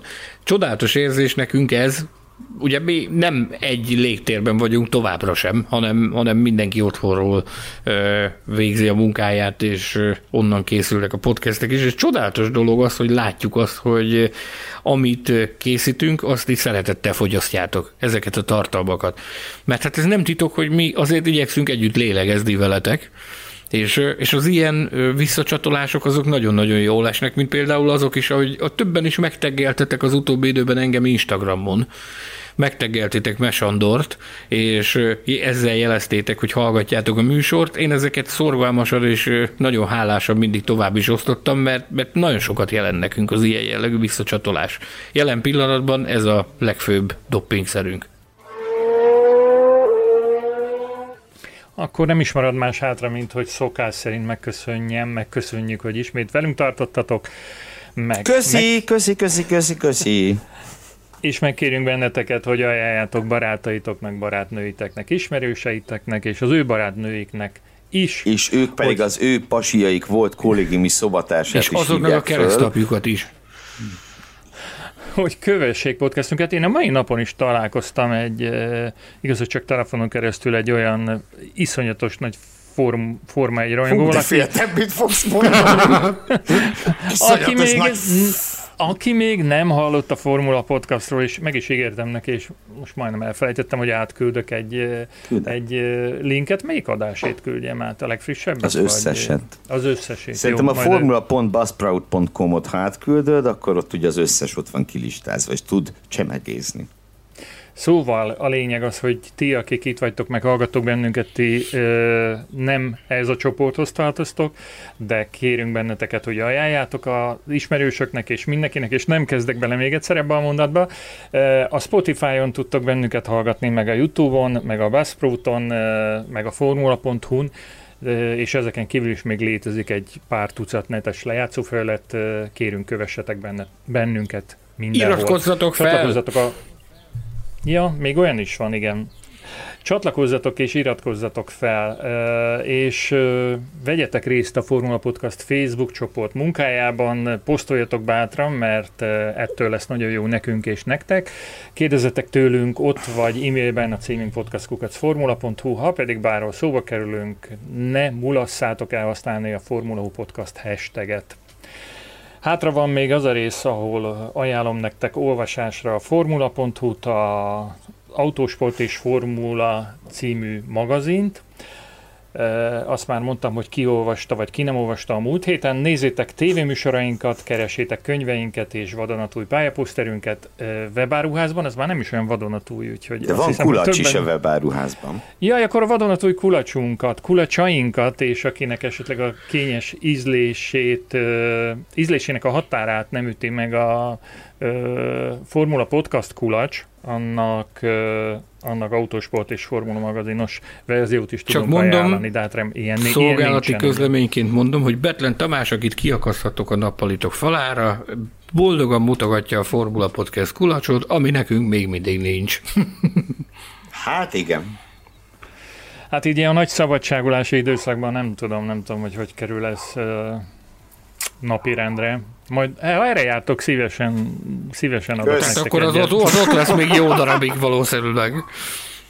Mert valamit megoldunk, megoldunk. Szóval választhatok még, hogy tudjak küldeni, mert én spórolós vagyok, nem tudom, ismertek-e, vagy hallottatok erről valamit. Egy dolgot nem Mind a kettőből választottuk, küldeni. mind a kettőt kiválasztottuk, mind a kettőn. Oké. Okay. Akkor... Már csak egy diszlájkolja ezt. Már csak egy dolog maradt hátra. Uh, Mindhármunknak uh, azt hiszem ez a véleménye, és ez a legfontosabb talán az egész műsorban és az adásban. Arra szeretnénk benneteket kérni, hogy szeressétek a motorsportokat. Munkatársaim, barátaim, szerkesztő kollégáim Geléfi Gergő és Mészáros Sándor, valamint Hilbert Péter kiemelt fő főtechnikus nevében is búcsúzom. Pár nap múlva megint hallhatjátok a műsort, addig is minden jót kívánok, meg szép nyarat nektek, sziasztok! Hallgass meg korábbi műsorainkat, valamint iratkozz fel ránk Spotify, Google, Apple Podcast vagy más csatornáinkon.